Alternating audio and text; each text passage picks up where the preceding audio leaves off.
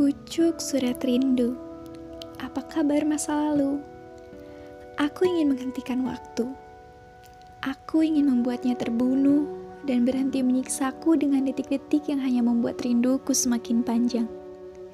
Seolah tanpa ujung. Aku ingin keluar dari lingkaran gelap yang menyekap. Kemudian aku ingin berjalan untuk menemuimu menceritakan semuanya, menjelaskan apa yang ingin aku jelaskan, yang akan membuat kita keluar dari kebingungan dan tak akan terbelenggu lagi. Dan aku ingin kembali, kembali pada perasaan yang sama, seperti dulu lagi. Pada pertanyaan yang harus kau jawab segera, atau memang sudah terlanjur tak segar lagi. Basi Aku ingin pergi, meski sebenarnya hati tak ingin melangkah lagi. Lalu bagaimana jika pertemuan yang begitu diharapkan justru menghadirkan perpisahan?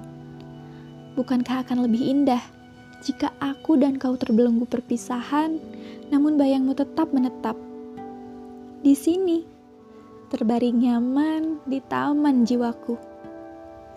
Inilah perasaanku sekarang detik ini, bahkan jika boleh detik-detik selanjutnya. Dan aku rasa terlalu banyak hal buruk di dunia ini yang terlihat indah, hanya karena tertutup dan tersamarkan. Seperti halnya kebodohan yang terlanjur kuanggap sebagai kesetiaan.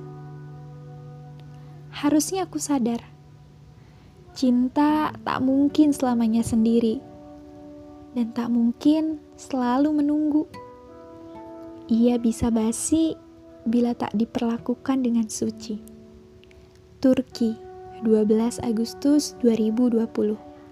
Aku yang didera rindu.